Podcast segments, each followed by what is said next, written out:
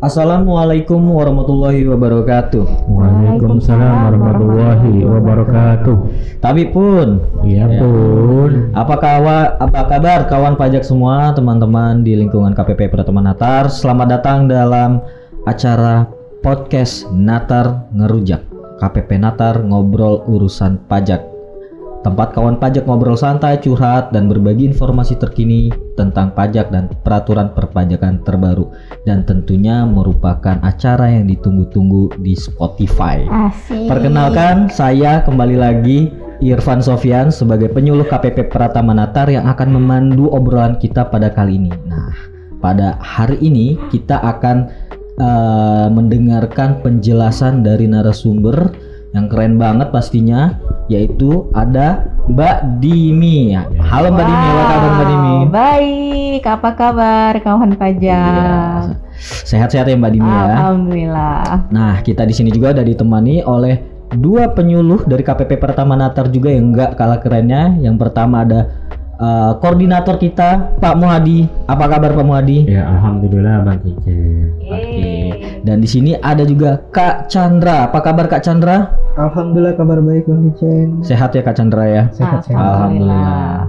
Oke teman-teman, eh, kawan pajak di lingkungan KPP Pertama Natar, pada episode kali ini kita akan membahas mengenai eh, sebuah peraturan yang merupakan eh, aturan turunan dari Undang-Undang Nomor 7 Tahun 2021 tentang harmonisasi peraturan perpajakan, yaitu Peraturan Menteri Keuangan Nomor 71 Tahun 2022 tentang PPN atas jasa kena pajak tertentu.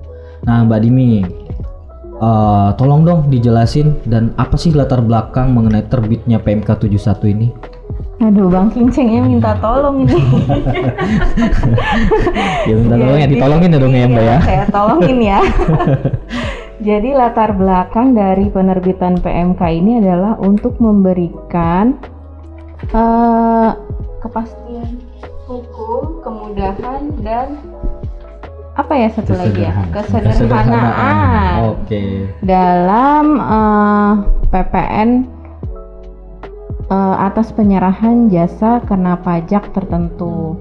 Jadi sebelumnya itu untuk perhitungan PPN dari penyerahan JKP tertentu ini menggunakan istilah DPP nilai lain. Oke. Nah, setelah terbitnya UU HPP terdapat istilah baru yaitu besaran tertentu. Oke. Oleh karena itu, PMK ini terbit juga untuk menyelaraskan terhadap ketentuan-ketentuan sebelumnya yang diatur dalam PMK nomor 75 garis miring PMK 03 tahun 2010 tentang nilai lain yang sebagaimana telah beberapa kali diubah terakhir dengan PMK nomor 121 garis miring PMK titik 03 tahun 2015 kemudian juga aturan lama pasal 8 PMK nomor 94 garis miring PMK titik 02 tahun 2020 tentang kriteria dan atau rincian jasa keagamaan yang tidak dikenai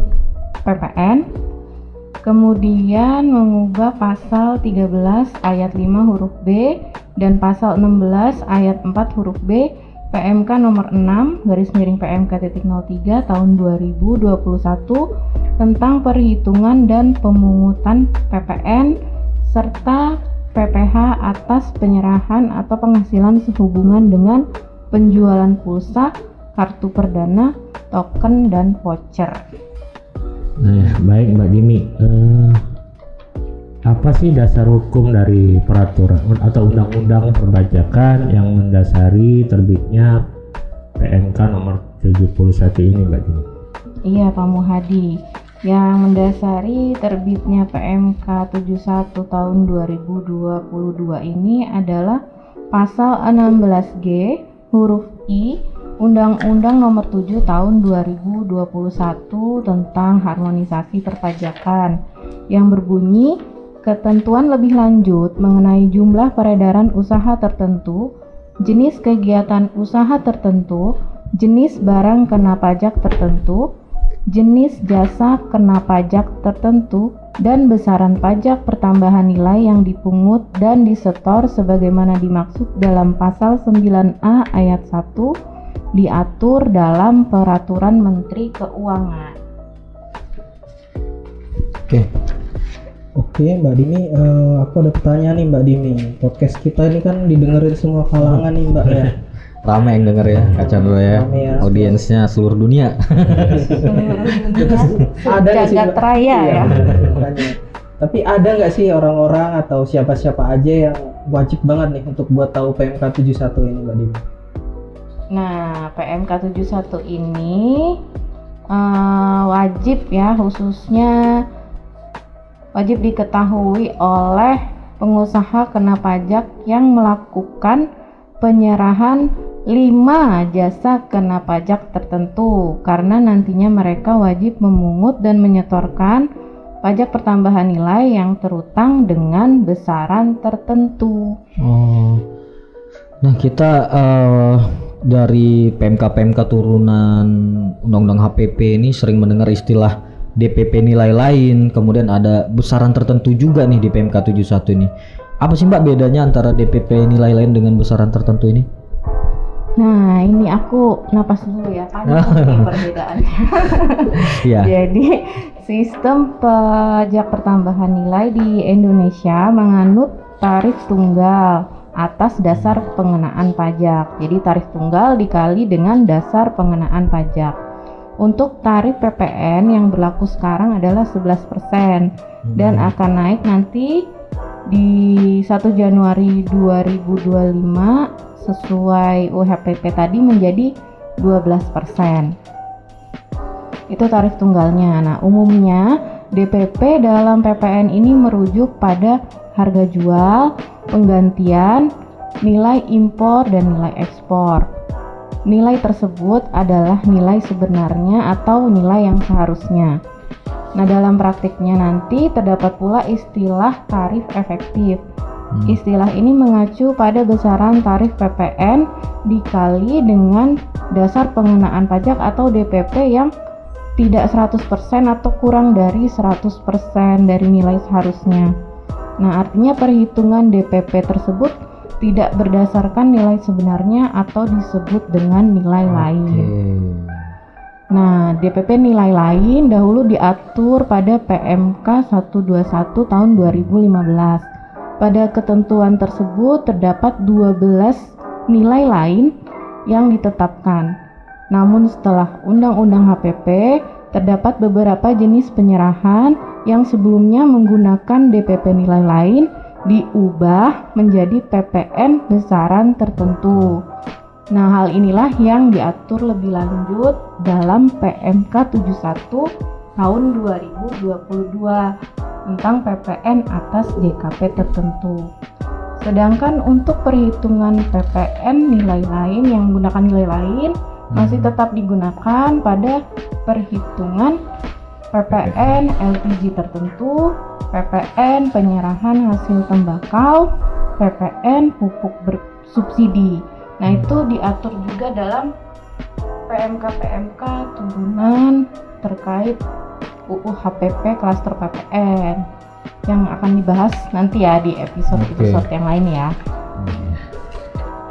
Nah, apa sih bedanya nilai lain dan besaran tertentu? Nah, untuk itu bisa dilihat nanti pada perhitungannya. Bisa dilihat nanti di apa faktor pajaknya juga nanti berbeda. Ilustrasinya misalnya kita ada penyerahan JKP tertentu sebesar 1 juta. Apabila PPN terutang dengan DPP nilai lain, maka DPP ditulis sejumlah 100.000. Hal ini didapat dari rumus 10% dikali 1 juta. Kemudian PPN-nya akan tertera 11.000. Hmm. Itu hasil dari tarif PPN 11% dikalikan dengan DPP nilai lain yang tadi sebesar 100.000. Sedangkan jika PPN terutang menggunakan besaran tertentu, maka DPP-nya tetap sama dengan nilai penyerahan JKP, Gitu. yaitu sejumlah 1 juta. Namun, tarif yang digunakan berbeda, yaitu 1,1 persen. Hasil dari 10 persen dari tarif PPN yang sekarang, yaitu 11 persen. Kemudian perbedaan kedua adalah tentang pengkreditan pajaknya. Untuk uh, PPN BPP nilai lain, penjual dapat mengkreditkan PM. Namun untuk uh, besaran tertentu, penjual tidak dapat mengkreditkan. PM-nya. Oke, makasih Mbak Dini. Eh, nah, di sini apa saja sih jasa-jasa atau jasa kena pajak yang eh, masuk dalam besaran tertentu ini di PMK 71 ini Mbak Dini? Nah, di PMK 71 ini ada 5 penyerahan JKP tertentu yang PPN-nya terutang dengan besaran tertentu. Yang pertama, PPN untuk jasa pengiriman paket pos yaitu dengan besaran tertentu sebesar 10% dari tarif PPN dikalikan dengan penggantian. Atau untuk lebih ringkasnya bisa dibilang PPN untuk jasa pengiriman paket pos adalah 1,1% dari jumlah yang ditagih atau yang seharusnya tertagih. Yang kedua, jasa biro perjalanan wisata dan atau jasa agen perjalanan wisata berupa paket wisata, pemesanan sarana angkutan, dan pemesanan sarana akomodasi yang penyerahannya tidak didasari pada pemberian komisi atau imbalan atas penyerahan jasa perantara penjualan. PPN-nya adalah 1,1% dari jumlah yang ditagih atau yang seharusnya ditagih. Kemudian yang ketiga, jasa pengurusan transportasi atau freight forwarding. Yang di dalam tagihan jasa pengurusan transportasi tersebut terdapat biaya transportasi atau freight charges PPN-nya adalah 1,1% dari jumlah yang ditagih. Freight charge-nya dapat berupa biaya transportasi dengan menggunakan moda angkutan berupa pesawat, kapal, kereta api, dan atau angkutan di jalan. Yang keempat adalah jasa pemasaran dengan media voucher jasa penyelenggaraan layanan transaksi pembayaran terkait dengan distribusi voucher, jasa penyelenggaraan program loyalitas dan penghargaan pelanggan atau biasa disebut consumer loyalty atau reward program. Dalam hal penyerahannya tidak didasari pada pemberian komisi dan tidak terdapat selisih atau margin maka PPN-nya adalah 1,1% dari harga jual voucher. Yang terakhir, jasa perjalanan ke tempat lain dalam perjalanan ibadah keagamaan. Jika tagihan paket penyelenggaraan perjalanan ibadah keagamaan dan tagihan paket penyelenggaraan perjalanan ke tempat lain dapat dirinci maka PPN-nya adalah 1,1% dari jumlah yang ditagih. Namun apabila uh, tagihannya tidak dapat dirinci, maka PPN-nya adalah 0,55 dari jumlah yang ditagih. Maksudnya gimana nih? Nah, biasanya kan dari paket perjalanan umroh ada yang sekaligus menawarkan tour ke negara lain, misalnya ke Turki untuk hiburan ya, bukan ibadah, maka apabila dalam tagihannya itu dapat dirinci mana yang tagihan umrohnya, mana yang tagihan liburan ke Turkinya, maka PPN-nya terutang sebesar 1,1% dari jumlah tagihan untuk perjalanannya yang ke Turki aja yang ke tempat lain itu. Namun jika tagihannya bulat tidak dapat dirinci maka PPN terutangnya sebesar 0,55% dari jumlah seluruh tagihannya. Oke Mbak Dini, eh, tadi yang sempat Mbak Dini sampaikan nanti kan sesuai Undang-Undang HPP paling lambat 1 Januari 2025 PPN itu naik jadi 12% tuh. Itu nanti bakal ngaruh nggak ke tarif tarif tarif besaran tertentu tadi nih? Besarannya berubah nggak? Ya, jika nanti tarif pajak tambahan nilainya sudah naik menjadi 12%, maka besaran tertentunya menyesuaikan ya yang tadinya dari 1,1% dikali tagihan atau eh, voucher ya yang tadi 1,1 berubah jadi 1,2% dikali tagihan. Nah, untuk yang jasa perjalanan ke tempat lain tadi kan 0,55 persen maka berubah menjadi 0,6 persen nah ini adalah 0,55 persen dikali 10 persen dikali 12 persen mohon maaf bingung ya Kita terlena nih semua penjelasannya. 25%. Jadi tadi kan 0,55 persen itu dapat kan dari 10 persen kali 12%. 11 persen Oh, sekarang 11%. jadi 0,6 karena 12% kali 5%. iya itu Oke. Kemudian untuk eh, penerbitan faktur pajaknya nih Mbak Dimi, ini gimana nih? Nah, untuk faktur pajak yang diterbitkan oleh penjual yang melakukan penyerahan JKP tertentu ini menggunakan kode transaksi 05. Kemudian PKP tidak dapat mengkreditkan pajak masukan yang berhubungan dengan penyerahan JKP tertentu ini. Begitu Bang Kinceng. Oke. Ada lagi Mbak kira-kira yang eh, perlu ditambahkan dari PMK 71 ini? Mohon maaf Bang Kinceng, nggak ada Bang Oke, Kinceng. ini da- tadi udah, Udah- semuanya ya. Udah Oke. semuanya ini. Dari eh, Pak Muhadi dan Kak Chandra ada pertanyaan tambahan yang mungkin ingin ditanyakan ke narasumber kita pada kali ini. Nah, jadi eh, penjelasan mengenai travel umroh ya. Sebenarnya kalau jasa umroh saja itu tidak dikenakan. Tapi kalau umrohnya plus, misalnya ke Oman, ke Mesir, nah, Jalan-jalan. itu kena.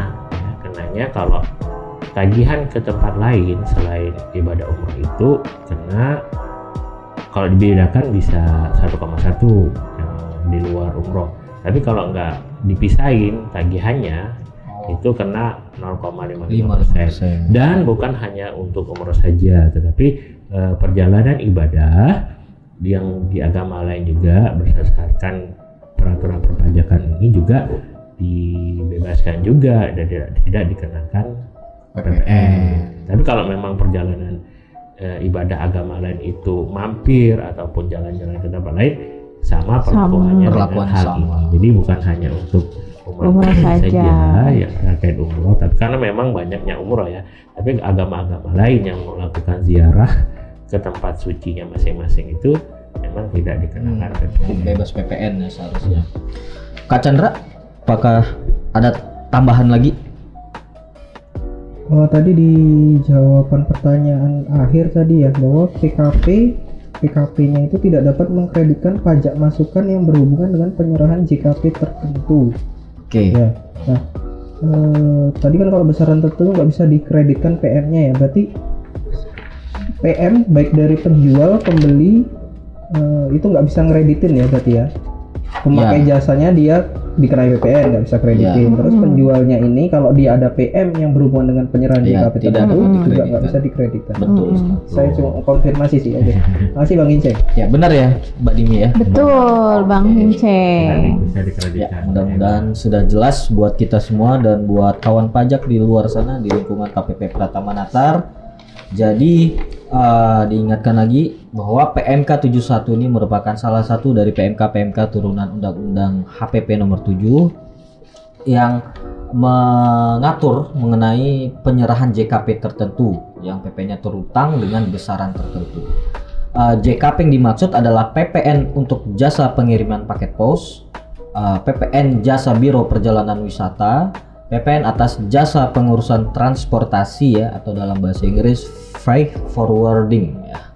Kemudian yang keempat ada jasa pemasaran dengan media voucher, jasa penyel atau penyelenggaraan layanan transaksi pembayaran terkait dengan distribusi distribusi voucher ya atau jasa penyelenggaraan program loyalitas dan penghargaan pelanggan ya atau consumer loyalty atau reward program dan terakhir jasa perjalanan ke tempat lain dalam perjalanan ibadah keagamaan plus plus ya karena seperti keterangan Pak Muadi bahwa uh, perjalanan ke tempat suci untuk, uh, untuk dalam rangka melaksanakan ibadah itu dibebaskan PPN-nya.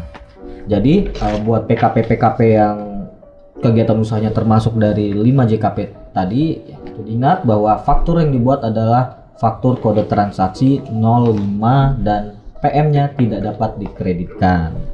Baik, semoga informasi yang kita sampaikan pada episode kali ini bermanfaat buat kawan-kawan pajak semuanya dan jangan lupa untuk follow akun Instagram KPP Pratama Natar di @pajaknatar dan jangan lupa juga untuk mengikuti terus siaran kita di Natar Merujak.